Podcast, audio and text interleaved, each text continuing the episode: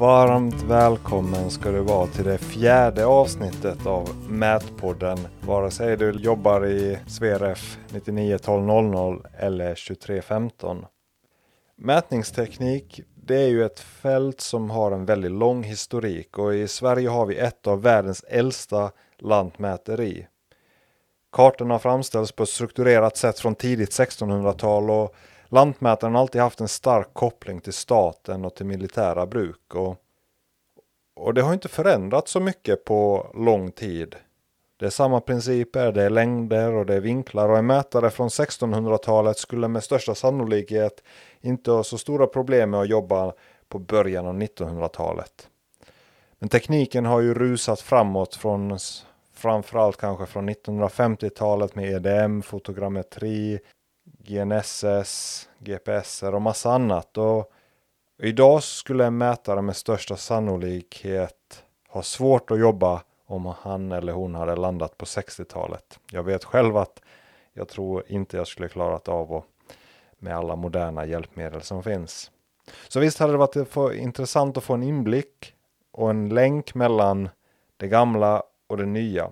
Och det är därför jag vill med stor glädje introducera en av de allra kunnigaste inom mätningsteknik i Sverige, professor i lantmäteri, Claes-Göran Persson. Och han har en vid blick av historien och framtiden med en karriär som sträcker sig från 60-talet till, till och med idag. Och han är en länk, den felande länken mellan teodeliten och kedjan till GPS och totalstation.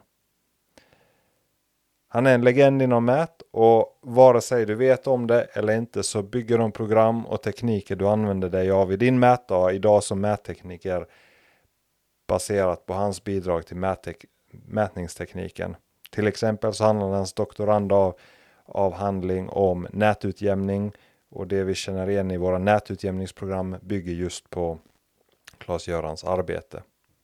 Så jag är otroligt glad att eh, det kunde bli av den här intervjun och vi börjar med att Claes-Göran berättar om sin bakgrund och så pratar vi om eh, både det ena och det andra med hur man kombinerar teori och praktik, om HMK, både den gamla och den nya, om eh, mätarens ansvarsområden, om det här med kontroller och varför det är så svårt att göra kontroller ibland och lite om god mätsed. Så här finns det mycket att hämta. Så, så vi börjar väl och lyssna på din bakgrund helt enkelt.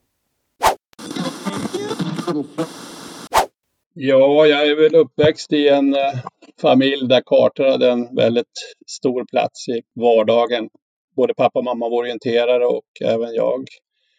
Eh, tidigt så intresserade jag mig för det där med mätning och hur man gjorde de där kartorna. Så att, eh, redan som 12-åring ritade jag mina egna orienteringskartor.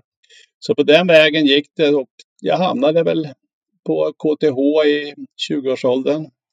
Jag hade läst matte och statistik och lite sånt där innan för att på den tiden gjorde alla killar lumpen. Så att, men jag fick inte göra det direkt efter gymnasiet utan jag skulle, fick ett år emellan och ehm, då passade jag på att läsa de där ämnena. De har ju då varit grunden för min fortsatta karriär om man säger så. Jag började på Lantmäteri 1971 och valde ganska snart en teknisk inriktning. Och eh, jag gjorde ett sabbatsår, tog ett sabbatsår, det var rätt populärt på den tiden, eh, mellan tvåan och trean i en fyraårig utbildning. Och jobbade på stadsingenjörskontoret i Östersund i ett år. Och det är nog bland det bästa jag har gjort, för det har gjort att jag har kunnat ha benen både i praktiken och i teorin så att säga. Så att allt, då man sen har dragit iväg i de där teoretiska snårskogarna så har man ändå haft det här praktiska med sig i bagaget. Och det, det har varit lyckosamt. Jag velade väl lite grann vad jag skulle göra efter examen eh, på Lantmäteri men det blev så att jag fortsatte att läsa och eh, stannade kvar på KTH i ytterligare fem år. Doktorerade i geodesi, alltså läran om jordens uppmätning. Sen studsade jag runt på lite olika ställen. Jag var på Stockholms stad och höll på med digital kartteknik. Jag var på Rymdbolaget och höll på med satellitbaserad fjärranalys. Men hamnade så småningom som ganska många andra lantmätare i Gävle på Lantmäteriverket. Och eh, den tjänst som jag då sökte och fick den hette observator i samhällsmätning.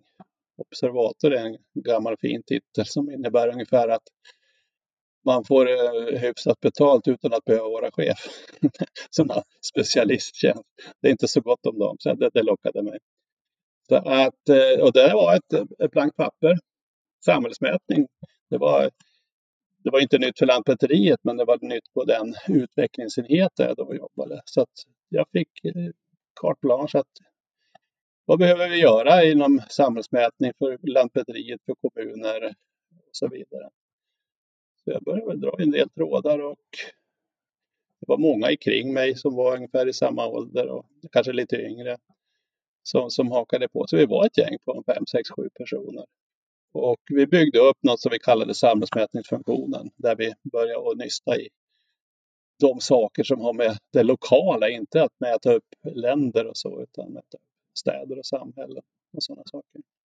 Och eh, det höll vi på med i några år och sen kom det frågan om det som kom att heta HMK.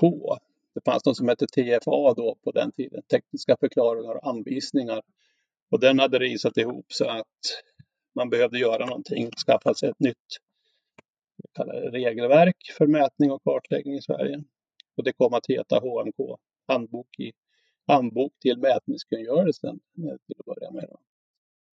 Så att det vi hade gjort under några år, det, det fick vi då möjligheten att början på 90-talet paketera i handboksform, det vill säga rättesnöre för de som skulle mäta i praktiken i städer och på landsbygden.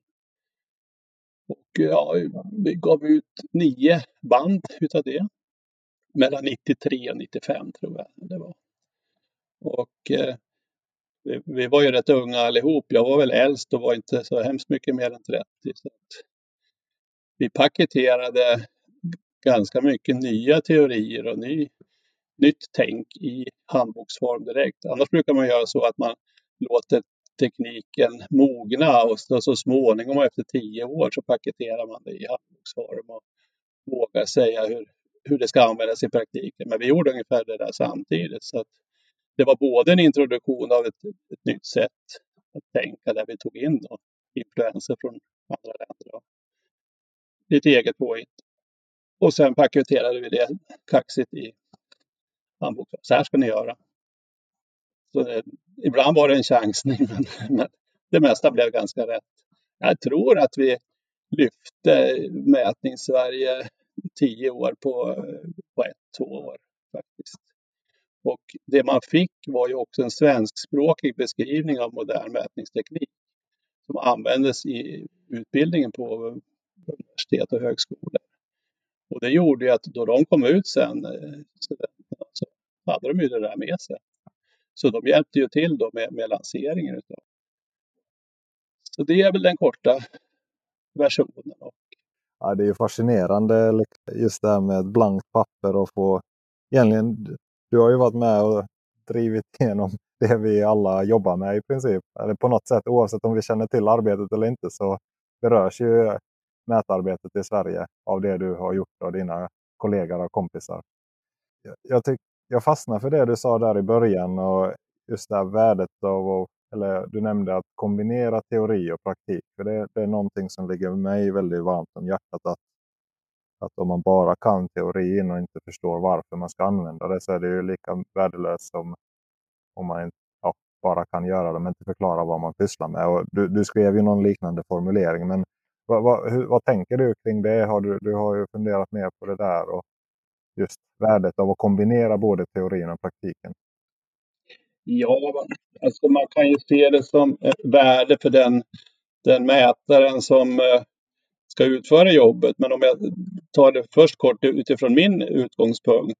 För att med det där HMK-jobbet så blev vi ju utskickade korsan och tvärsan och, och, och missionera om det där budskapet. Det, det var väl en fyra, fem stycken som på halvtid höll på i tre, fyra år och lanserade det här genom att vara ute och prata.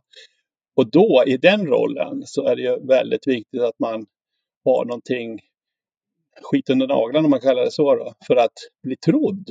För att det vi pratade om var ändå ganska, ja det var nytt och det var lite halvteoretiskt och det, det var i alla fall mer teoretiskt än det hade varit tidigare. Men för att få legitimitet i att lära gamla hundar sitta, då kommer en 30-årig yngling och ska lära 50-åriga mätningsingenjörer som håller på i 30 år i sitt yrke lite nya saker. Och då måste man ha någonting som de kan känna igen sig i. Eh, en, en historia som jag brukar illustrera det med det är att då jag jobbade det där året i, i, på stadsingenjörskontoret i Östersund under mitt sabbatsår. Då regniga dagar, då hade vi tävlingar att rulla ihop 100 meters band. På den tiden var det rätt mycket bandmätning fortfarande. Och när jag sett en sån här smärtingrulle, ganska stor rulle, eh, 30 centimeter, och så utan vev eller någonting så ska man rulla ihop 100 meter band. Vi hade tävlingar i vem som rullade ihop banden snabbast. Och en gång då jag var ute, jag var i Umeå och skulle prata lite grann om det här med nya mätningar och eh, nytt sätt att tänka. Och då var jag med dem ute i fält. För de tyckte nog att den där spolningen var lite väl teoretisk. Och då vi var ute i fält så av en händelse så låg det 100 meter band utrullat. För vi hade gjort någon mätning.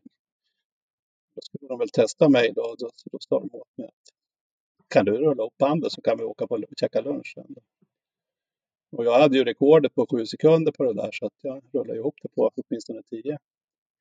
Sen lyssnade de på mig så, så i den här rollen att försöka introducera saker, då, då är det också viktigt att ha det som de har för att kunna fylla på med det som man själv vill tillföra. Men för, för gemene man eller kvinna så är det ju också viktigt att, att man har den där balansen, att man inte fastnar i teorier och, och gör teoretiska bilder som inte stämmer med verkligheten. Och, till exempel, men också det praktiska, att man anpassar metoder och förfaringssätt till vad det är man ska göra. Så man inte liksom bara en växel. Det är som att köra en bil med en växel så att säga. Oavsett vad det är, om du har bråttom eller, är ute på sightseeing så, så kör du samma sätt. Då. Att, här eh, tycker jag det, det viktigaste att lära sig se eh, från tillämpningen vad som passar bäst i metoden. Det är inte bara, alltså inte samma sak jämt. Det, det är väl det viktigaste att hitta.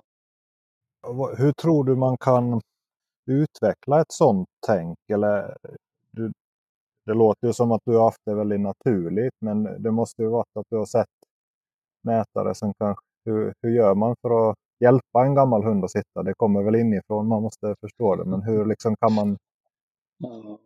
Hur, Har du några tips för liksom, hur, hur får man sin omgivning att lite, bli intresserade av att fördjupa sig och se värdet av den andra sidan? det är svårt. Alltså det, det som vi har tillämpat då, nu har jag jobbat mest i, i Lantmäteriet även efter det här med HMK och så. Eh, det har ju varit att vi har haft intern kurser eller både externa och interna kurser. På den här geodetiska utvecklingsenheten där jag mest har jobbat, där har vi haft ganska omfattande och har, de har ju fortfarande ett omfattande utbildningsprogram med korta kurser på kanske bara en, två, tre dagar om olika saker. Och jag tror att man, man måste, om man inte har en någorlunda teoretisk utbildning i botten, då blir det svårt. Alltså. Mm. Så man måste investera i, i, i mätföretag, investera i kompetensutveckling för, för personalen och behoven beror ju på vilken bakgrund de har. Och det andra är att man drar nytta av dem som har då lite längre utbildning inom företaget. Med fördel kan man ju hålla interna kurser. Det blir, det blir som mindre ståhej om man eh, går kursen tillsammans med sina kompisar på något sätt. Än om man ska åka till en annan ort och sådana man inte känner. Det kan bli lite stelt och lite, lite otäckt kanske. Mm. ovant. Så att ägna tid åt, åt uh, kompetensutveckling, låta det få ta tid och att ta hjälp utifrån. Jag, jag kan inte riktigt utbudet av sådana här kortkurser men, men man, jag tror man ska haka på det som, det som finns. Och instrumentleverantörerna har ju delvis också sådana saker. Mm. Och det är nog, eh, man vågar nog, om man har interna kurser, ställa mer dumma frågor. Det är väl det man behöver och erkänna sina svagheter. Det är kanske är jobbigare när man sitter med konkurrenterna och i samma eh, kurssal. Ja, just det. Det, det, tänkte jag inte på att det, det blir ju inte kompis. Eh, det är inte bara att de är okända, de kan ju vara konkurrenter också. Där har du en point alltså. Det, det gör det ännu viktigare att kanske ta hem då den där läraren till företaget snarare än att... Och det blir ju troligen även billigare och effektivare så att säga. Nu finns det ju rätt mycket att göra digitalt. Det har vi lärt oss under de här två sista åren. Inte minst jag har suttit i massa digitala möten och sådana saker. Och det borde finnas en efterfrågan på, på kurser som är, är direkt gjorda för, för, för eh, Ja, det, om det är någon som lyssnar som vet så skriv gärna in. för Det är någonting som jag har tittat efter. Det, det, man kan hitta om AMA, om mängdreglering och man kan hitta lite om programtillverkarna. Alltså SPG och Topocad har ju sina kurser men jag tror, så som jag upplever så är man lite utelämnad om man vill lära sig teorin om man inte vill gå tillbaks till, eller gå till universitetet eller någon högskola. Men, men vi får se. Men eh, jag tänker lite där ut, utveckla sig som mätare hela tiden och utveckla regelverket. Du pratar ju om HMK. Att, eh, den har ju, ja, du har ju skrivit mycket av de där och nu, nu är det inte längre handbok för mätnings och mätkungörelsen. Du kanske, vill du berätta liksom hur, att, om jag förstod det rätt så var du med där och avskaffade HMK och den här eh, mätkungörelsen överhuvudtaget. Jag tycker det var en intressant ja. historia. Jo, det var ju så att under en av en sån här regeringsperiod där vi hade en, en borgerlig regering så hade man regel, alltså man skulle minimera antalet regler och ta bort onödiga lagar och bestämmelser för att få ett ja, friare marknad om man säger så. Och eh, alla myndigheter fick lämna in förslag på vad man inom respektive ansvarsområde kunde ta bort. Så jag sa till vår chefsjurist att kan vi inte slänga in mätningskungörelsen i det där för den är ganska värdelös. Ehm, så det gjorde han och, så blev det och den försvann. Då fick man ju lite kalla fötter. Jaha, vad har vi gjort nu? Det var ju två saker som, som, som hängde med. Det ena var ju HMK då, som hade ju sitt namn därifrån. Men det var ju den enkla frågan. Så nu har det blivit då handbok i mät och kartfrågor istället. Och behållit eh, akronymen HNK för den tyckte vi hade ett eget varumärke som vi ville bevara. Eh, det andra som dök upp det var den här liksom, certifiering eller behörighetsförklaringen som var kopplad till gamla mätningskungörelsen. Lantmäteriet skulle alltså eh, behörighetsförklara människor som skulle utföra mätning och kartläggning. Och det funkade ju inte då inte mätningskungörelsen skulle kvar. Men det tyckte inte vi var något, något större problem för att utvecklingen hade ju gått dithän då att mätningen var så integrerad i tillämpningen. Så att ha någon eh, behörighetsförklaring för bara själva mätmomentet var rätt så eh, värdelöst. För att det var ju lika viktigt att man kunde tillämpningen och, det måste ju andra myndigheter och Trafikverket ha, ha, ha synpunkter på. Så att eh, vi sa att det får ju respektive myndighet då inom sitt ansvarsområde eh, beskriva och Trafikverket i sina upphandlingar, då får de ju sitt upphandlingsunderlag då tala om vad det är för kompetenser man och det, det är ju mera motiverat av vad som ska göras än att det ska finnas någon generell lagstiftning som kan tala om vad man ska kunna i den här världen vi lever nu där det är massa olika saker blandas. Så det var väl några år då, då, då man saknade den där behörighetsförklaringen men nu tror jag inte att det är något större problem. Utan eh, det funkar rätt bra att kommunerna bestämmer vad man ska kunna inom deras område, Trafikverket och man ska göra deras projekt. Och så. Jag tycker det, det verkar ha satt. Eh, några år efter det här fick jag privat blev jag uppringd och fick frågor på hur det här var tänkt att fungera. Och fick stå till svars för det där ganska lång tid efteråt. Men det har upphört. Antingen för att man har insett att jag har gått i pension eller för att behovet inte finns längre. Utan man har hittat de nya rollerna helt enkelt. Så att, eh, men det, det, vi gjorde det var att byta namn på HMK. Det var ungefär den viktigaste förändringen. Nu heter det Handboken Mätekartfrågor. Och det har ingen som helst juridisk status. Det är bara ett försök att beskriva the state of the art vad gäller mätningsteknik. Take it or leave it, ta det ni vill ha. Sen är det ju då om någon annan i en upphandling säger att ni ska följa HMK. Då är det ju de som har gjort det till en bestämmelse. Det är ju inte Lantmäteriet utan man ska se det här som ja, state of the art. Så här, det här, gör man så här så blir det nog ganska bra. Eh, nya HMK, om vi använder den termen där. Vill, vill du berätta lite om upplägget? Alltså för den som inte har så bra koll på det. Att, eh, den är inte så gammal. Är det 2015 till 2020? Att den är ju rykande färsk vissa delar. Ja. ja, jag ska försöka vara väldigt kort. Då vi gjorde HNK 1993 till 95 var det väl. Då lovade vi varandra att det här ska inte risa ihop, det här ska vi underhålla. Men det gjorde vi inte. så det risade ju just ihop. Och på den tiden var det ju tryckta böcker. Eh, och sådana, då de blir gamla, då är de ju gamla. Eh, idag har man ju en helt annan möjlighet att uppdatera det då man presenterar allting digitalt. Men på den tiden. Och jag gjorde då någonting som man kan fundera, jag har funderat på varför jag gjorde länge. Jag accepterade en roll som IT-chef i Lantmäteriet under nio år. Från eh, till 2007, så det måste vara 1997 till 2007 ungefär var jag IT-chef i Lantmäteriet. Jag höll inte på med geodesi överhuvudtaget. Det blir en annan podd där jag får förklara den, den övergången. Men så var det. Men då jag dök upp då igen då och återvände eh, till geodesin 2007 typ ungefär.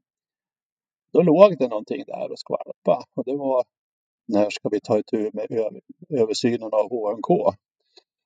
Så under de där tio åren så hade det då risat ihop eh, det också. Då.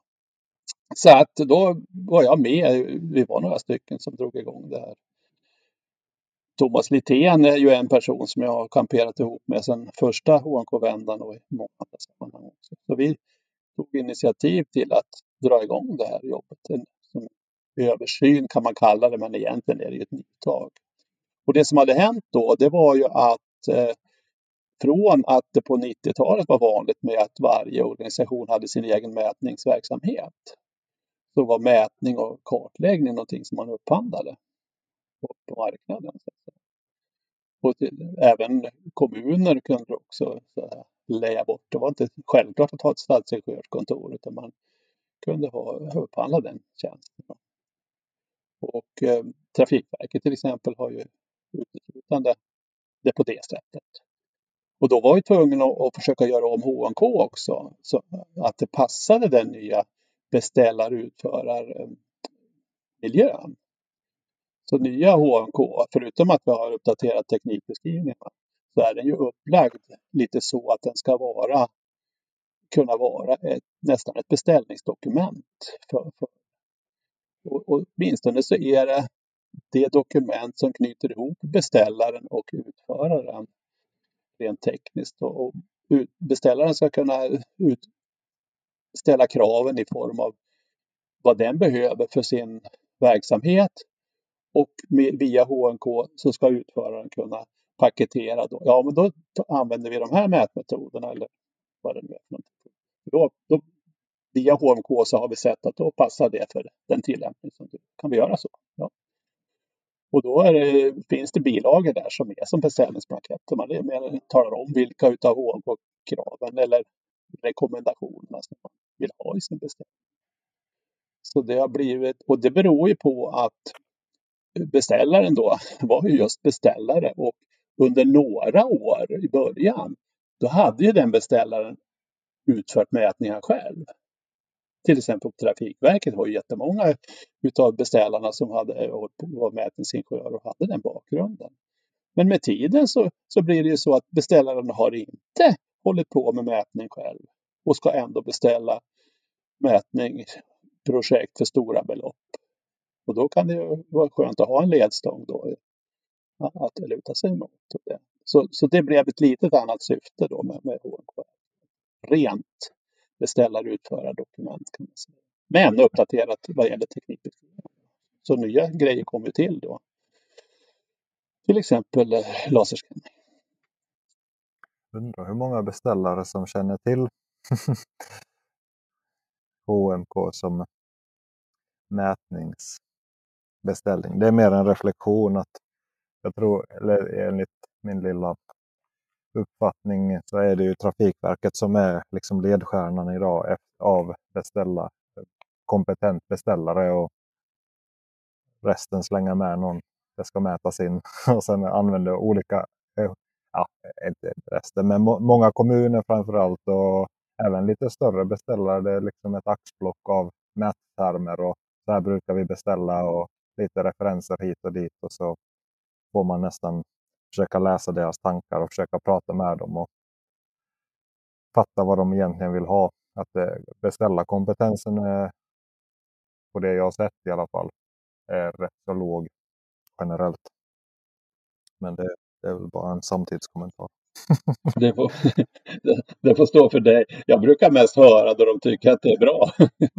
Så vet de inte om det, då, då, då, då får man ingen feedback heller. Men de som vet om det och har gjort lyckade projekt, de brukar vara ganska måna om att berätta det tillbaka. Jag, jag kan dra en, en, en kortis som jag bara hörde nu när jag berättade att jag skulle ha det här samtalet med dig. Att det var en eh, kille i en eh, svensk känd konsultfirma som hade fått ett jobb nere i Sydostasien. Och eh, han skulle spesa det för de som skulle utföra det. För att det var folk på plats som skulle göra jobbet. Så han maskinöversatte eh, det HNK-dokument som handlar om terrester Laserscanning. Och skickade ner det som en spes på, så här ska ni göra. Och eh, jag vet inte om han blev förvånad, men, men jobbet blev alldeles perfekt gjort och redovisat enligt konstens alla regler. Så att det funkade tydligen. Bara skicka den där tvärs över jordklotet. Det, det tycker jag är lite Ja, det är häftigt. Och, och, alltså, det var, jag menar inte att HMK inte är bra. Den är jättebra. Där står det väldigt bra. Det jag menar är att eh, många beställare upplever jag inte vet om HMK och att man kan använda den som kravställning. Utan bara man läser det. själva HMK-dokumenten är otroligt eh, pedagogiska och strukturerade. Så. men, men det är säkert. Nej, och jag menade bara att jag, jag får mest höra då det, då det har eh, sådana här goda exempel. Så att de, de dåliga, då, då, man inte bryr sig om HMK, då bryr man sig inte om att, att tala om det heller. Så, man, man kanske inte ens vet att det, det finns. Någonting om man byter lite spår där mätarens ansvarsområden. Jag vet inte, för det, den har ju vuxit med åren och det, det är ju, eh, där vi pratade lite privat i telefon så nämnde du det att mätarens roll har ju förändrats väldigt mycket. Eh, hur, hur, hur, eller, alltså, eller ansvarsområden, man samlar in mycket metadata och fick, kan du fixa det också? Någonting som jag upplever att mätaren, eh, om man inte säger ifrån på skarpen på ett bygge så blir man lätt arbetsledare för själva projektet också. Eh, jag vet, vad, vad, tänker du kring den utvecklingen? Hur, hur var det när du började och ja, hur är det idag när man till och med liksom grävmaskinisten eh, står mycket för mätningen och ute på en arbetsplats med maskinstyrning? Ja, alltså, då jag började då var ju mätning var ju mätning och eh, nu har jag väl jobbat mest i den kommunala miljön, eh, alltså typ stadsingenjörskontor på, på några lite olika ställen och hjälpt den typen av organisationer på, på lite olika sätt. Men väldigt länge så, så har ju mätning varit mätning och eh, man har inte blandat in så mycket av tillämpningen i, i mätningen, eller egentligen ingenting. Utan mätningen, och, och, det har väl också varit lite så om man ska vara självkritisk, att mätaren har talat om hur mätning går till. Och kanske inte alltid har haft förmågan att anpassa det efter eh, syftet i, i, vad gäller tillämpningen så att säga. Nu, nu är det klart på ett stadsingenjörskontor då gör man ju ofta det här grundläggande med stomnät och sådana saker. Och det, det sker ju på ett enhetligt sätt. Men även när det kommer till andra typer av mätningar så kan jag känna både att det var ett glapp. Mätaren visste inte så mycket om tillämpningen och tillämparen visste inte så mycket om mätning. Och, uh, men däremot så fanns det en tradition vad gäller mätning att göra det väldigt bra och väldigt kontrollerat. Och det gjorde ju att det ändå gick att använda till olika tillämpningar. Även om mätaren inte kunde så mycket om den tillämpningen. Eh, idag var du inne på det själv att du som ändå är där ute kan du inte samla in uppgifter om det och det också. Då är du ändå på plats. Och det, förutom att kontroll och sådana saker redan från början är lite styrmodligt hanterat, tycker jag. Då. Så ska man dessutom spä på med en massa andra uppgifter som man till och med kanske är ovan att utföra, då tappar man ju fokus helt ifrån mätningen. Så att, eh, jag är inte säker på att det där är någon god idé.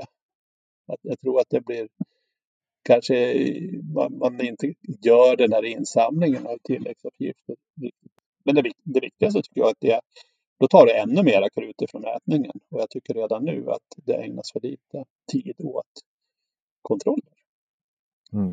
Och det har ju du och jag pratat lite grann om kontroller, att det inte krävs så mycket kontroller och därför måste man anamma en kultur, kanske inom företaget, att vi ska vara säkra på att det vi gör är bra. Vi ska vara, kunna vara stolta över det vi gör.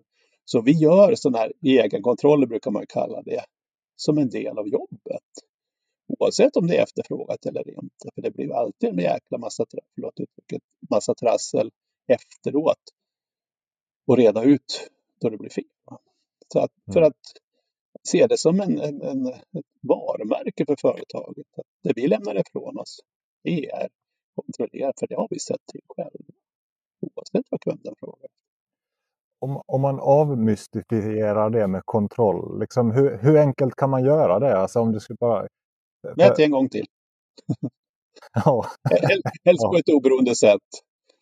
Uh, uh, jag menar, det, det, kan vara avstånd, det, det, är väl det lättaste att förstå. Så, så jag, jag, menar inte att det är avståndsmätning vi ska göra. Det kan ju vara RTK eller något Men, men alltså att om du har mätt in en punkt från, från två andra punkter då kanske du kan kontrollera mot en tredje.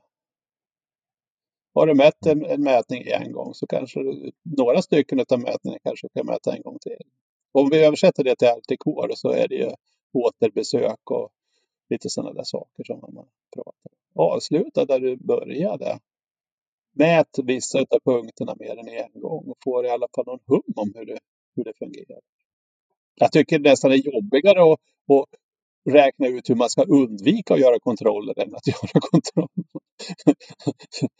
hur kan jag göra för att mäta så lite som möjligt? Istället för att mäta på lite grann. Eh, men undra, undra är, är det att man kommer från en alltför praktisk bakgrund? För, jag vet inte hur jag ska formulera det, men många gånger frågar jag så här, har du kontrollerat det eller har du hur vet vi när någon påstår att ja, men det är 5 mm noggrannhet eller 10 mm noggrannhet? Vad menar du? Har, är det liksom bara din handdator som spottar ut en siffra eller har du kollat eller dubbelkollat med totalstationen, GPS-punkt eller har du slumpat? Eller? Nej, men det, GPS är så noggrann. Han bara, aha. Ja, men det är ju så noggrant så länge det går bra.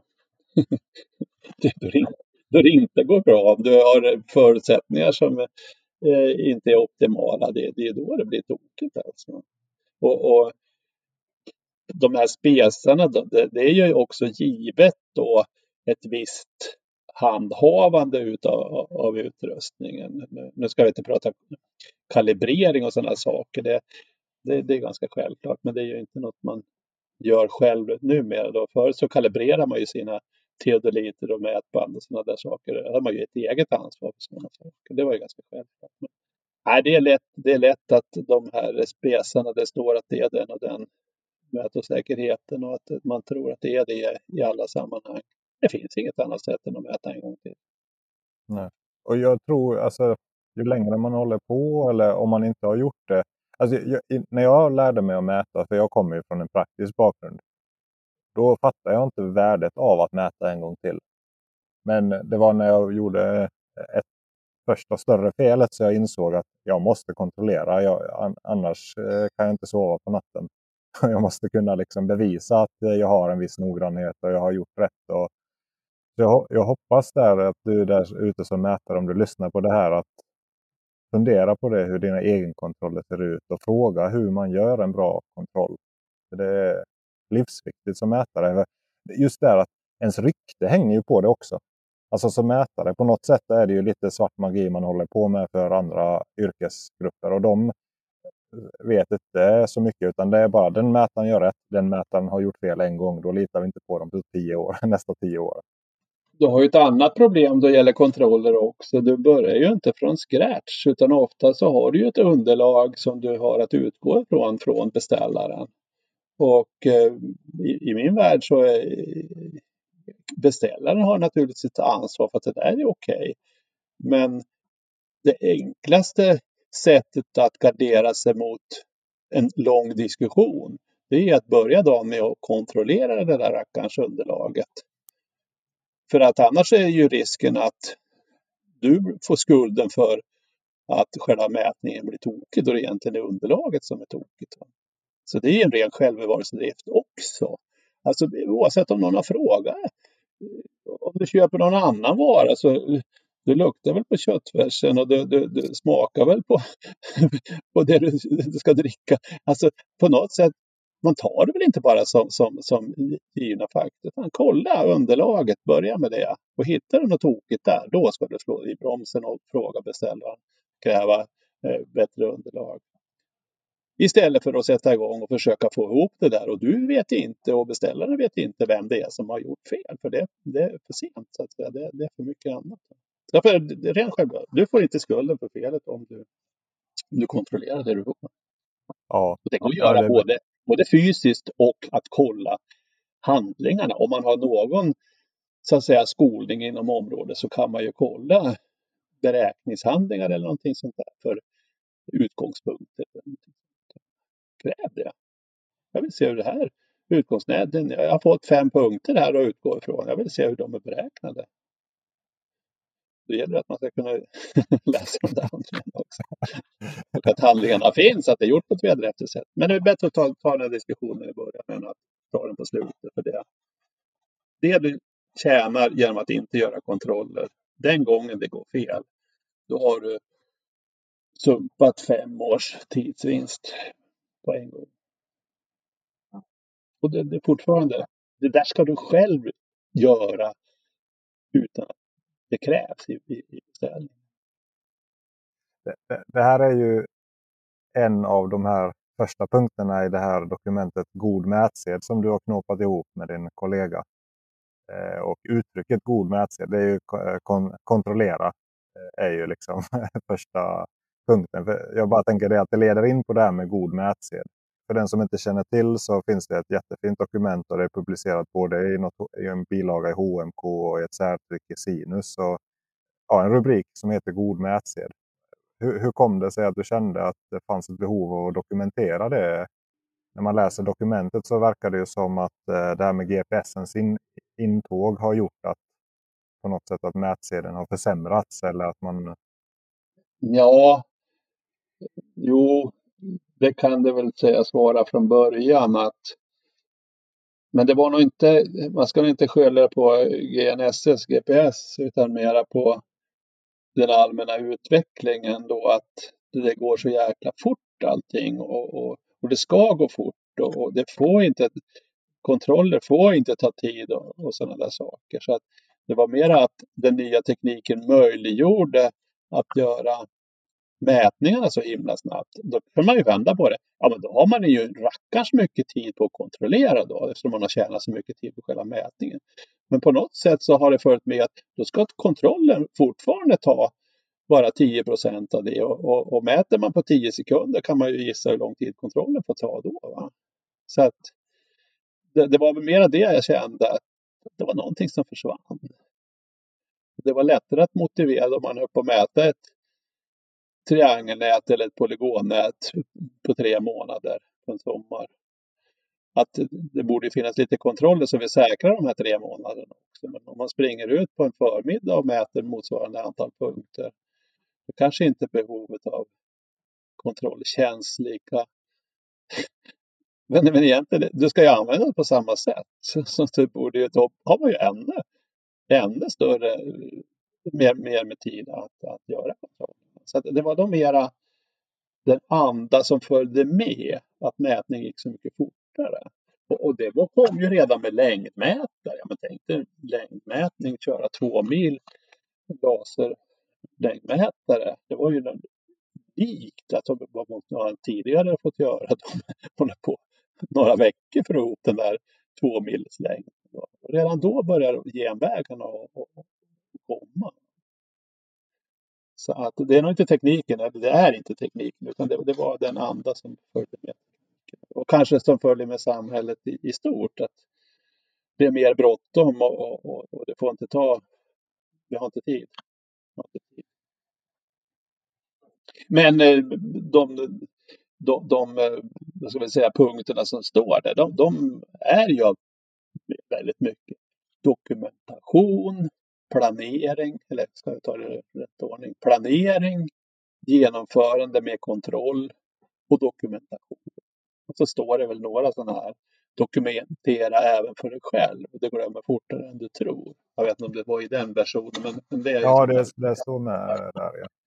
Alltså det, då du har hållit på då tre veckor med något projekt. Det, det är så lätt att komma ihåg vad du gjorde torsdagen för tre veckor sedan. Så att uh, dokumentera även för sig själv, det är en bra metod. Ja, vår, vår chef, han är, eller ägaren där jag jobbar, han är väldigt hård på det där. Eller trycker på att det, det du gör i fält, det har du igen i, på kontoret. Att det är väldigt lätt så man kodar någonting.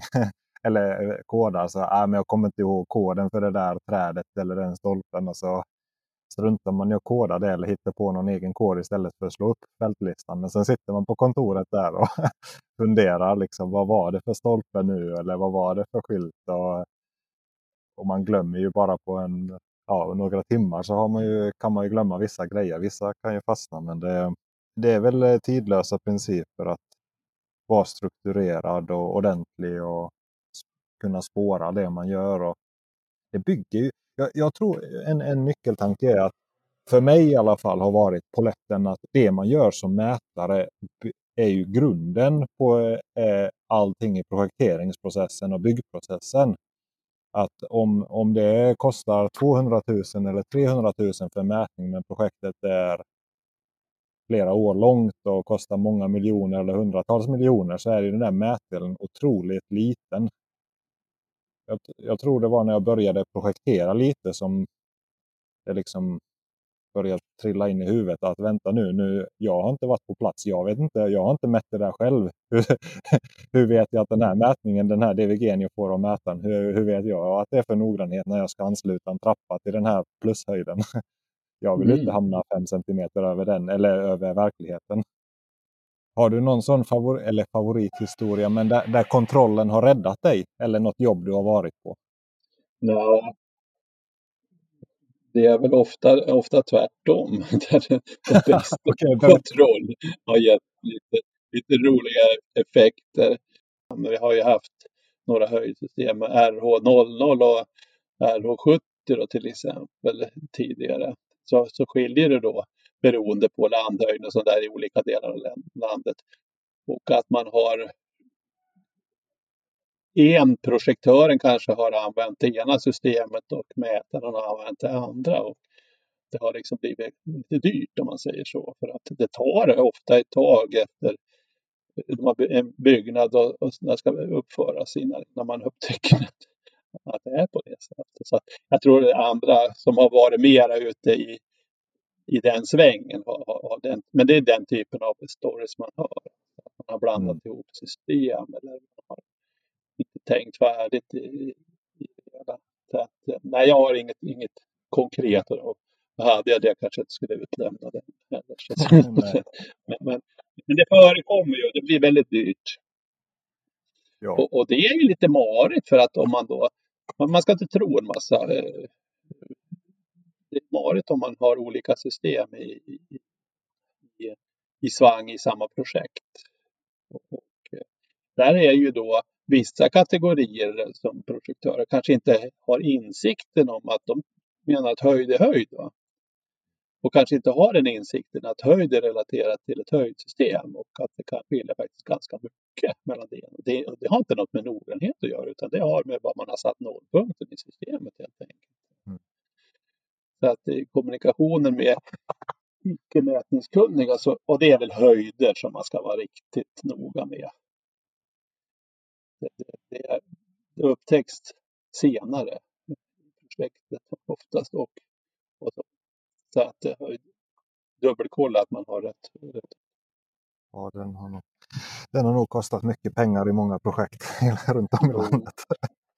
Ja, det är lurigt när det är sådana här små skillnader, 10 cm och 30 ja. ja sådär. Det är jättelurigt. Där det märker man när man gör fin, finplaneringen. Beroende på byggprojekt så är 10 cm ganska mycket. Så att... Ja, man kan inte ljuga bort det alltid. En, ett resonemang som är intressant är det, det här med ansvarsområdet som du var inne på. Att hur, mätningen, jag vet inte om det är bara jag som har fått upp ögonen för det eller om det alltid varit så att mätaren mätning är otroligt brett. Som idag så finns ja, det, du har ju den klassiska mätningen och du har kanske stomnät och ja, vinklar och så. Sen har du allting med GNSS och så har du fotogrammetri med drönare och kanske gyromätning i tunnlar och du har eh, laserskanning och då, ja, all, all, allt möjligt. Att det, och det känns som att du kan specialisera inom anläggning, inom bygg, inom samhällsmätning, inom järnväg. Att den höghusen, specialområde. Att, jag vet inte, har du några tankar hur man kan gå tillväga? Vi, vi resonerar om det här på telefon lite. Att ska man ha som en, en mätare som kan allt eller ska man liksom dela upp det lite som läkarbranschen? Att man har någon slags specialister inom grejer eller jag vet inte om du har, har några reflektioner kring det, hur man kan gå, vad kan vara effektivt? Eller vettigt? Alltså jag tror att det är viktigt att kunskapen finns inom företaget någonstans.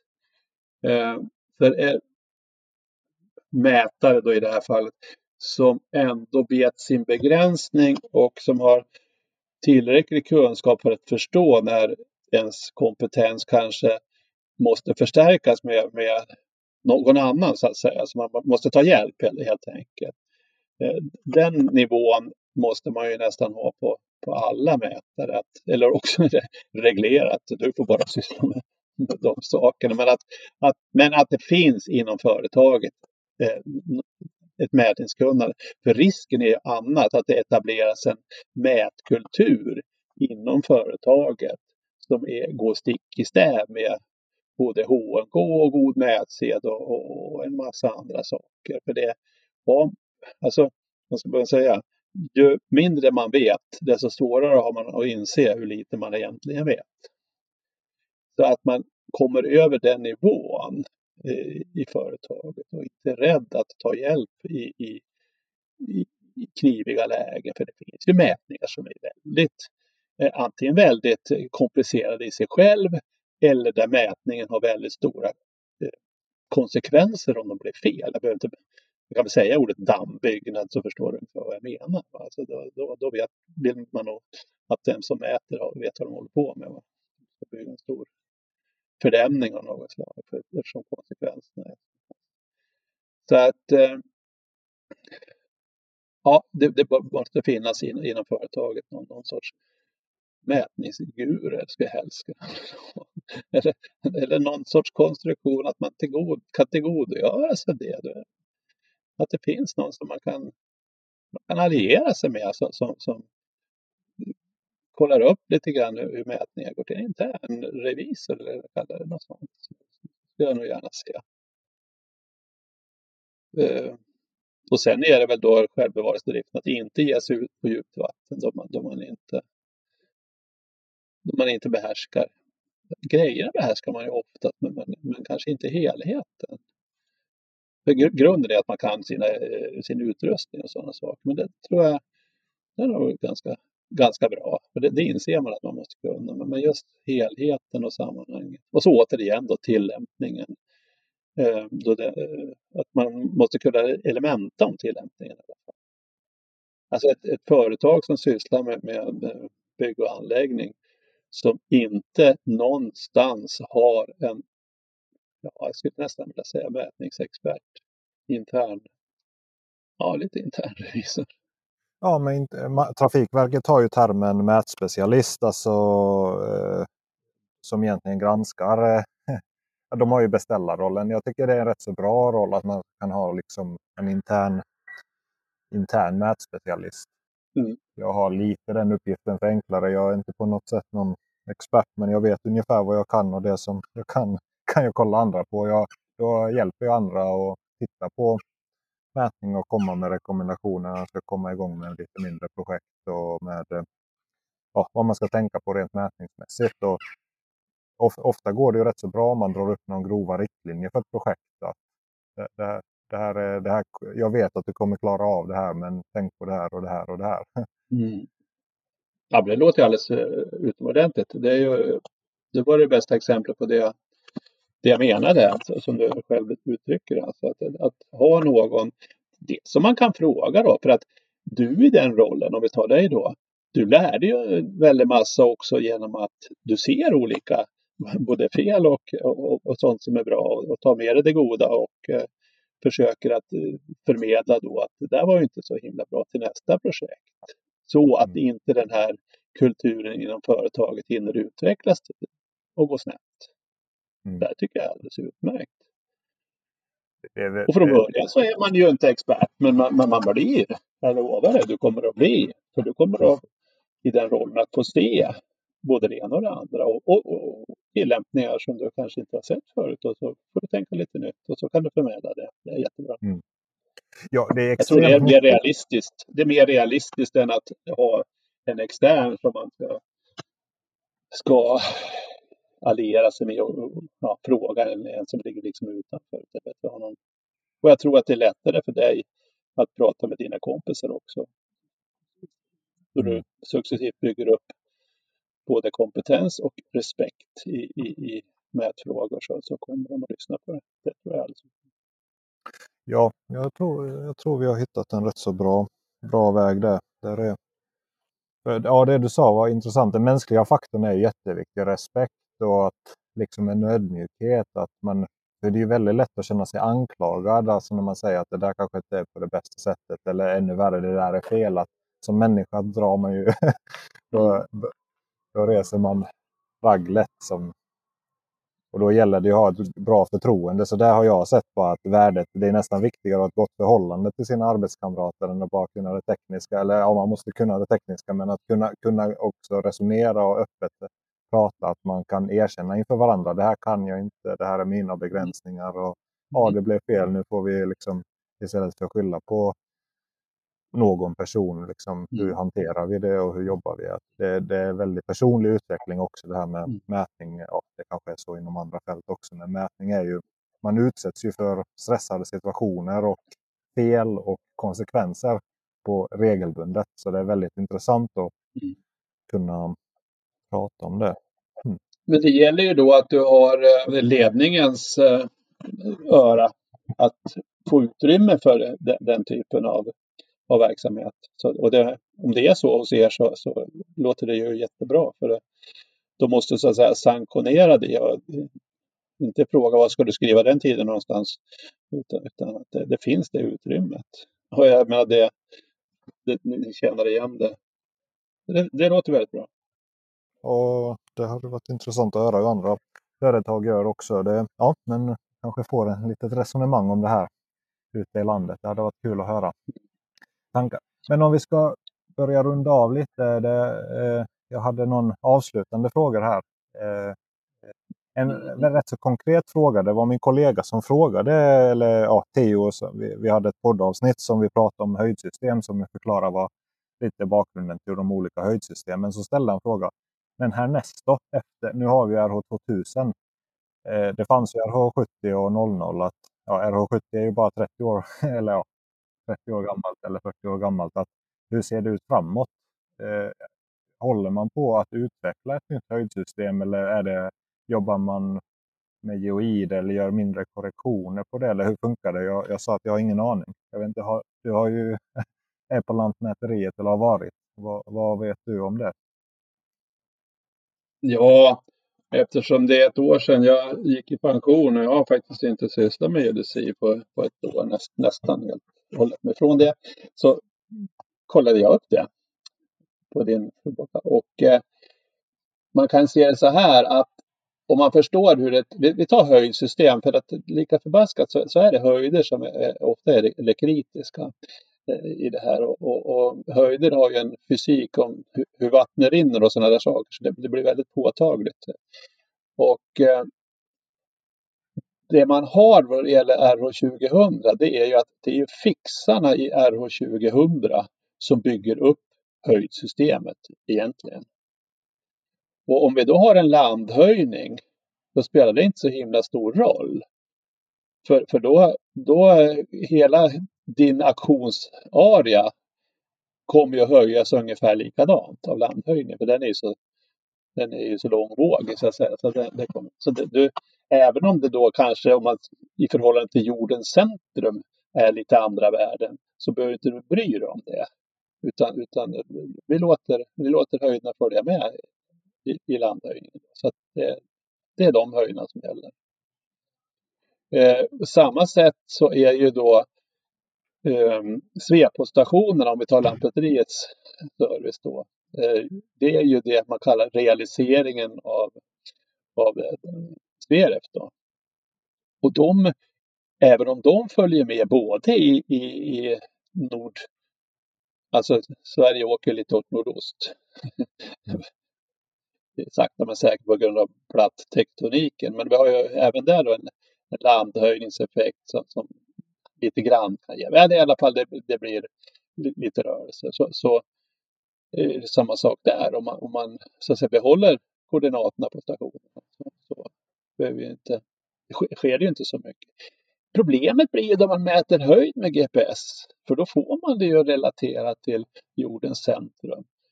Och då avväger man från, från höjdfixarna, då går det ju bra. För då, men mäter man med GPS, då man ju liksom inte, använder man ju inte höjdfixarna. Och då kan man få vissa sprickor.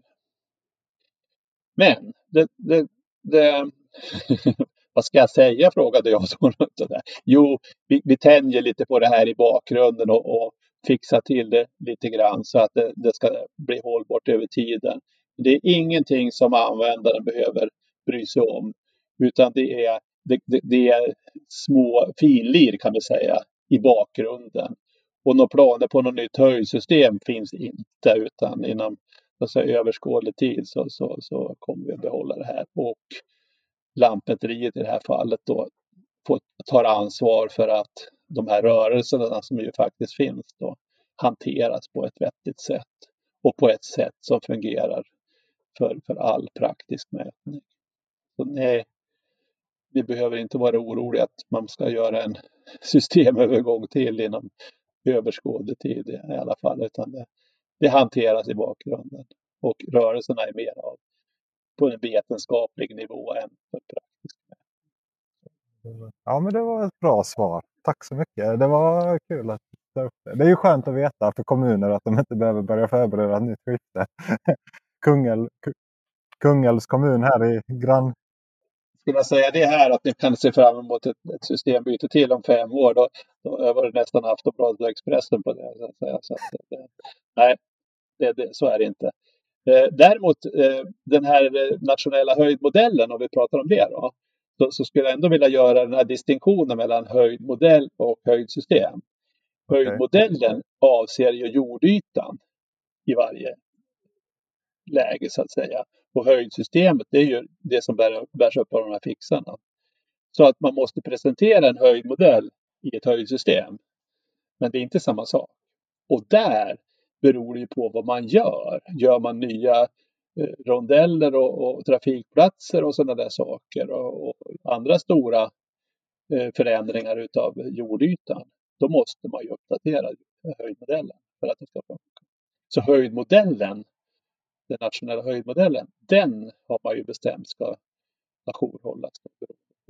Och det är ju mest mänsklig påverkan. För att och, det blir, det, och det blir geoiden som blir uppdaterad så man får uppdatera en ny geoidmodell då? Nej, alltså geoiden har ju mera med höjdsystemet Så geoiden och, och höjdsystemet, det, det, det, det behöver ni inte oroa er för. Det, det, det, blir lite bättre och lite vassare för vissa tillämpningar. Men höjdmodellen, den nationella höjdmodellen som avser markytan, det, det, är ju, det är ju så att säga den geometrin. Ja, ja, den, den, den, den, kommer att behöva ajourhållas med jämna. Bara så att jag fattar vad det är. Höj, ja, höjdmodellen, alltså i princip den digitala markmodellen, eller terrängmodellen, ja, trianguleringen eller lidan. Ja. ja, om Höga Kusten. Den måste ju, bygger man om stora, gör man stora förändringar på jordytan eller byggnationer, då, då måste man ju ändra den. Va? Men det är ju fritt ifrån höjdsystemet. Det påverkar ju inte varken geoiden eller höjdsystemet. Så, det. så de två senare, geoid och höjdsystem, det behöver ni inte bekymra er över. Det, det, den huvudvärken får Lantmäteriet stå för. Och det fixar till sig. För, för praktiska ändamål fixar det till sig. Ja, vad bra. Då får geodetikerna bry sig om det. mm. Geodeter. Geodeter, okej, okay, det är så det heter. en sista sån här fråga då om tips och råd för en unga mätare. Jag säger att man är ny, nyexaminerad, antingen yrkeshögskola eller universitet i Gävle. Vad vill du ge för råd till en ny generation? Hur, hur blir man duktig och vad, vad, skulle du ja, ge tips och råd helt enkelt? Ja, alltså. Ja, det är svårt att ge tips. Jag gick i pension i fjol, då fyllde jag 70.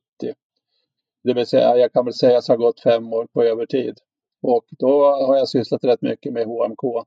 Men ja, vi har då ändå riggat det på det sättet att de yngre inom då geodesiområdet har ju gått, varit med i samma projekt. Och då har man haft en, en möjlighet att för en gångs skull flytta över erfarenhet och viss kunskap mellan generationerna. Eh, jag har ju själv varit chef i många herrans år och, och, det pratas väldigt mycket om den där generationsväxlingen. Det görs väldigt lite. Eh, det blir mest snack. För, Oj, ja, han ska gå i pension. Och nu har vi inte hunnit göra den här överlämningen som vi har pratat om. Det jag har fått förmånen att få jobba parallellt med, med eh, 30-åringar i 3, 4, 5 år på slutet. Och, och jag tror att ta, ta tid i företaget att eh, göra de här generationsöverlämningarna. Det, det, det, det tror jag är bra, bra satsad eh, tid faktiskt. Sen tror jag att eh, HMK-dokumenten, eh, flera av dem i alla fall, eh, duger ganska bra som självstudiematerial. Vi, vi har ju inte inte förutsatt en massa att man ska hämta en massa annat i någon lärobok bredvid utan vi har ju just därför skrivit ganska utförligt om även teorin är bakom i de här dokumenten. Så att jag tycker, och det tycker de på universitet och högskolor också som använder dem som studier, de funkar ganska bra. Men man måste ha någon bottenplatta att stå på, annars så blir det marigt alltså. Så att, ja, jag kan ju inte önska kurser för, för yrkesverksamma. Jo, jag kan önska det, men jag kan inte, jag kan inte göra någonting åt det. Men jag, jag tycker att det borde finnas en efterfrågan eh, på kurser för yrkesverksamma i, i, i landet. Att både universitet och högskolor och, och organisationer, både kanske Trafikverket och annat. Det, det blir väldigt svårt att gå helt oskolad och bli en bra mätare. Det, det är, skulle jag säga, är i princip omöjligt. Så att skaffa sig åtminstone någon ettårig bottenplatta från någon sån här yrkesutbildning eller, eller, eller något sånt. Om man inte har en himla bra, ett himla bra omhändertagande på företaget där man jobbar. Men det har man som vi var inne på knappast tid med. Att börja från scratch och bli en bra mätare, det är jättesvårt. Man måste ha någon teoretisk bottenplatta att stå och har man det, då kan man eh, via de här kurserna som ännu inte finns eller via HLK lära sig ganska mycket själv. Och så kan man hoppas att det finns en eh, generationsöverlämning eh, inom företag. Mm det... Du frågade ju mig här på sluttampen om, om man fick höra av sig till mig om, om saker. Ja, Ja, Jag har faktiskt haft lite frågelåda eh, med ganska många eh, utifrån eh, verkligheten. Eh, de sista tio åren kan man säga. Så är det väl åtminstone 15-20 stycken som har haft lite privatundervisning. Och vissa så. Ofta har de haft ett specifikt problem som de vill ha hjälp med. Jag kan, jag, jag, jag, så länge jag är fit for fight och, och eh, mina kunskaper räcker till så, så står jag gärna till förfogande då det gäller. Jag, jag tycker det är kul att prata med yngre människor som har samma intressen som jag själv. Så att det har jag gjort och det gör jag gärna fortsätta. då, jag vet inte vad du säger om det här då, men om man skulle kunna haft ett kanske någorlunda återkommande segment med Fråga experten. en liten frågelåda där man kunde tagit lite frågor från läsarna eller lyssnarna. Jag vet inte, vi kan ju prata om det. Men det, hade, det, hade, det finns ju många frågor och jag har börjat få in det. Eh, folk skickar in och det, det är rätt roligt att sitta och svara på frågor. Nej, men eh, det kan jag. Nu var jag lite oförberedd på den, just den frågan, men jag, jag svarar väl oförberett ja då. Det, Ja. det låter kul. Det, Och jag kan, Ja, men- det beror ju på. Alltså det, det finns ju begränsningar där och, och troligen så ligger frågorna inom ett gränsland så att man kan behöva se det från mer än ett håll så att säga. Och jag har ju, det är ju mest ett mätfokus även om jag har lärt mig en hel del av tillämpningen eh, Mm. över tid. Nej, men jag ställer upp på det. Gärna i din regi så att eh, jag kan filtrera. det är lite framförhållning att jag, får, att jag får fundera på frågorna så att säga. Absolut. Men då, då lägger vi det som en uppmaning här till lyssnarna att skriva in frågor. Och vi har ju en funktion att eh, spela in röstmeddelanden också. Och, så ni får ställa frågor nu. Nu är det upp till bevis om ni vill höra svar från experten också. ja, vi ser vad det blir. Men det, det hade varit kul. Men vi ser vad det blir av det. Tack Claes-Göran för att du ville vara med på podden. Och Vi har en liten erratat i avsnittet som Claes-Göran ville ha med. Han ville poängtera att det inte var ett 100 meters måttband han virade in på 7 sekunder utan det var ett 50 meters måttband. Så att man inte, han sa det att du måste få med det och, att, och ange också att tids, tidsuppskattningarna kan vara sådär men, men eh, poängen kvarstår. Ja, men det var väldigt generöst. Man hör ju att han har ju varit med och det är ju bara en droppe av all erfarenhet som han har som han kunde dela med sig på den här timmen där. Men vad säger du Anton då? Om vi tar in dig här i samtalet. Eh, ja, nej, men det är ju det är riktigt roligt att höra från eh, en kille som har varit med sedan eh, tidens begynnelse, tänkte jag säga. Verkligen. För det, det jag tar med mig av att det slår mig att han, han gick inte in på några detaljer. Och vi har ju pratat en del på telefon så här inför avsnittet och vad vi ska prata om och så resonerat om olika saker. Och han pratar ju hela tiden om det liksom mest grundläggande. Det är nästan som att samma saker som du behöver prata om när, i början när du lär dig mäta. Att du måste göra kontroller och du måste veta dina begränsningar och god mätsed och så. Så kanske glömmer man det när man håller på och mäter. Man kanske är mer intresserad av sina instrument och vilka paragrafer ska man uppfylla och liksom tekniska beskrivningar och, och så vidare. Men man hör ju det att han gått varvet runt att det är ju det som är det viktiga. Det allra mest grundläggande att veta sina begränsningar, kunna teorin, kunna vad, vad duger till vad. Ja, kontrollera underlag i alla skeden, både det man får, kontrollera sin utrustning så den funkar och ja, kontrollera utsättningen så den är rätt. Så jag tyckte det var det intressanta, just vikten av kontrollen och sin egen kunskap. Ja, ja verkligen. Just egen, egenkontroller är ju otroligt viktigt inom mät. Och jag tror det, det, man pratar alltid att det är så, så viktigt och att man alltid ska göra det. Så, men jag tror att det är väldigt få som verkligen gör det. Ja, det, faran är att vi pratar, som man känner andra känner man sig själv, eller hur man säger? Att, Ja. men, men nog är det så att eh, det man ser att eh, dokumentationen generellt, som om man får en, en mätning från en annan mätfirma, så är det ju väldigt bristfälligt många gånger. Eh, och det tyder ju på att det inte finns kontroller då. För har man gjort kontroller vill man väldigt gärna också bifoga dem och visa och dokumentera sin kvalitet då. Mm. Och, och det är ju egentligen som man säger, det är bara att mäta en gång till.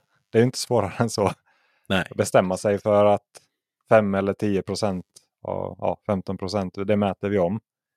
Mm. Att, eh, tyckte det var intressant där han sa att om man gjorde ett stomnät på en hel sommar, säg 40-50 år sedan, för man hade inte GNSS och kanske inte ens längdmätare då.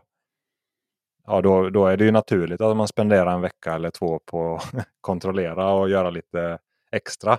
Så att man vet vad man fick för kvalitet och att det inte smugit in sig stora fel och så vidare. Men att idag som ett stomnät till exempel, eh, vi gjorde på ett trafikverksjobb, kanske tre mil långt, väg, skog, allting. Ja, det tar ju två dagar att göra det. Och sen sitter man en, en halv dag till en dag på kontoret och räknar ihop det. Och då borde ju kontrollerna, ja det är sant som man säger att kontrollen kanske borde ta lika lång tid som själva mätarbetet eftersom du har ju förkortat ner från tre månader till två eller tre dagar av arbete. Ja. Så att eh, man använder ju grejerna till samma sak. Det är fortfarande utgångspunkterna för ett helt projekt eller ett underlag. Så att ehm, ja, det, det är en väldig tankeställare hur man hur kontrollerar man. Mm. Jag tror det är viktigt att eh, speciellt som, som konsult, arbetsledaren och, och platschefen, liksom, när man väl har satt ut eh, punkten, då är, då är jobbet klart i deras värld. Men att, att gå in och, och dubbelkolla att allt är rätt och så, eh, så att man kan somna på natten, det är, det är ju minst lika viktigt. Och det tar ju tid. Ja, och frågan är hur man, hur man kommer dit så att man gör kontroller. För mig har det nog kommit där, för jag kommer ju som en praktisk bakgrund att om man inte blivit indrillad där från någon skola eller så. Är ju att man har gått på någon nit och så har man lärt sig att man måste kunna, man måste göra kontroller för att överleva. Men du, du har ju drivit innan eget eh, mätföretag. Hur, hur gjorde ni där då? Ja, vi, vi försökte ju vara på alla att eh, få in det som en, som en, en vana att eh, ja, så fort man har satt ut något eh, så går man in och, och dubbelkollar att eh, allt är rätt. Men det, ja, det är svårt. Det är, det är inte alla som gör det och om man kollar på sig själv så är det inte alla gånger man gör det själv heller. Mm. Man har inte tid alla gånger. Och, men just de allra viktigaste eh, grejerna, kanske en, en stor gjutning eller något, eh, dubbelkolla formerna och så, då, ja, då gör man det. För mig har det vikten av kontroller blivit ännu större när man sitter och projekterar. Som markprojektering. För då är det ju, det enda underlaget man har är ju det mätaren har producerat. Mm. Så man, man vilar ju på och litar på det 100 procent. Det är väldigt stor mental skillnad på att själv ha mätt det och sen proja på underlaget. För då vet man exakt alltså, hur noga man har varit, hade man bråttom, ja. hur var vädret, du vet allt det här som också påverkar noggrannheten. Mm. Mm. Men när du bara får en DVG med höjd, höjder så du vet ingenting om det. Du vet inte vem har gjort det, varför gjordes det, mm. vilket typ av instrument eller ja, GNSS hur, ja, du vet kantsten, hur, mm. är de överkant eller nederkant? Ja, det, det, alla de här grejerna blir ju, och det är det, det som projektör man utgår ifrån. Det har för mig blivit väldigt viktigt att känna att jag kan lita på mätningen. Och det, det är ju minst lika viktigt hur man presenterar datat. Alltså att man får ett litet dokument bredvid som förklarar vad man har, har framför sig. Ja. Och vem man kan ringa när man har frågor och, och så. Så ja, kontroller är en del av god mätsed, definitivt. Så är det. Här, om vi växlar spår lite grann men ändå håller oss kvar, så har vi ju fått ett, eh, ett lyssnarbrev. Och det är ju kul. Så första lyssnarbrevet med lite input här till samtalet eh, och eh, begärde att få vara anonym för helst för den andra mätteknikens skull, står det. Så vi, jag läser upp här. Eh, vill dela med mig utav ett grovt fel jag var med om. Skulle göra en enkel fastighetsutsättning inför avverkning. Då jag är kritisk mot redan koordinatsatta detaljplaner så har jag som rutin att kontakta Lantmäteriet för koordinater till tomthörn. För att sedan skapa utsättningsfil i Geo och begav mig ut och käppade ut samtliga hörn. Några timmar efter jag lämnat stället så blir jag uppringd av platschefen på fastigheten intill. De är i finplaneringsstadiet på en stor fastighet med flera hus. Han säger att jag har gjort fel i min utsättning och satt ut en, ett hörn inne på deras fastighet och det har hans mättekniker bekräftat.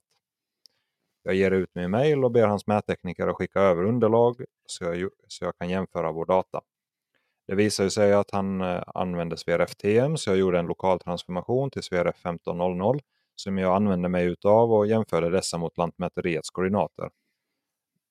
Visade sig att hans tomtgräns låg 2,88 meter in på den fastighet som jag hade fått uppdrag på, så de överlappade varandra. Alltså hela bostadsområdet var utsatt 2,88 meter fel. Skicka över underlaget till mättekniken och sen hörde jag inte mer från dem. Summan och kardemumman, lita inte på att underlaget du har fått ligger rätt. Fastighetsgränser stämmer oftast inte enligt min erfarenhet. Det kan gälla allt från centimeter till meter! utropstecken. Ta för vana att alltid hämta koordinater från Lantmäteriet eller koordinatförteckningslista. Var, nu, var, även uppmärksam på om de benämns som preliminär eller planerad tomtgräns. Vilken story! Sånt finns det mer, ut, mer där ute av, är jag helt övertygad om.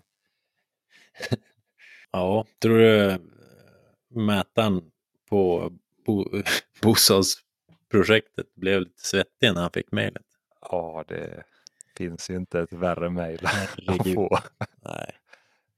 Det måste vara en sån känsloväxling också från att ja, det andra mäter, först ser man käppen och så kollar man mot sina koordinater. Ja, men jag har gjort rätt skönt. Ja. och sen får man det tillbaks.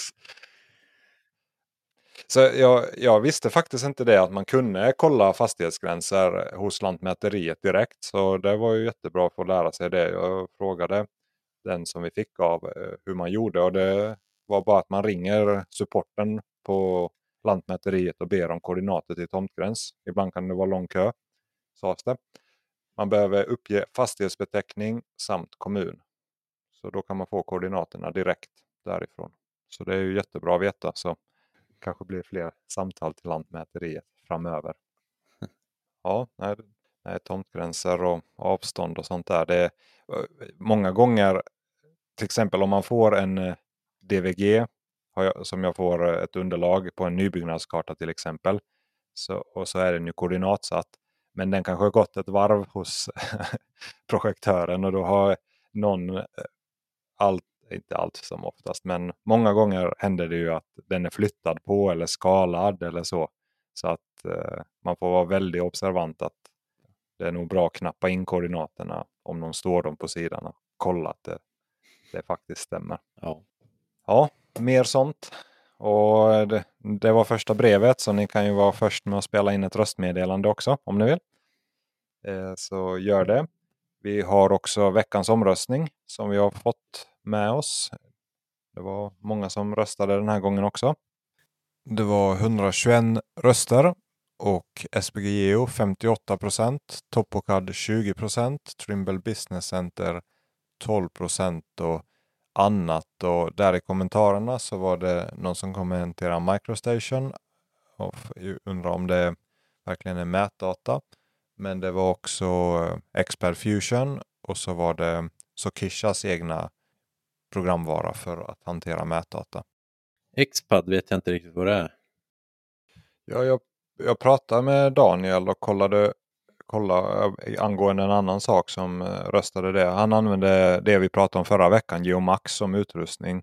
Och eh, Xpad Fusion verkar ju vara deras, ja, den mjukvaran som tillhör det. Han var, ja, det lät som han var nöjd med det så vi får undersöka det lite närmare också. Mm. Grymt. Men man ser ju att det är starka delade åsikter i alla fall i kommentarsfältet. Ja. Geo är marknadsledande men det finns mycket att säga om Geo. men men, det är ju marknadsledande av en anledning också. Så är det.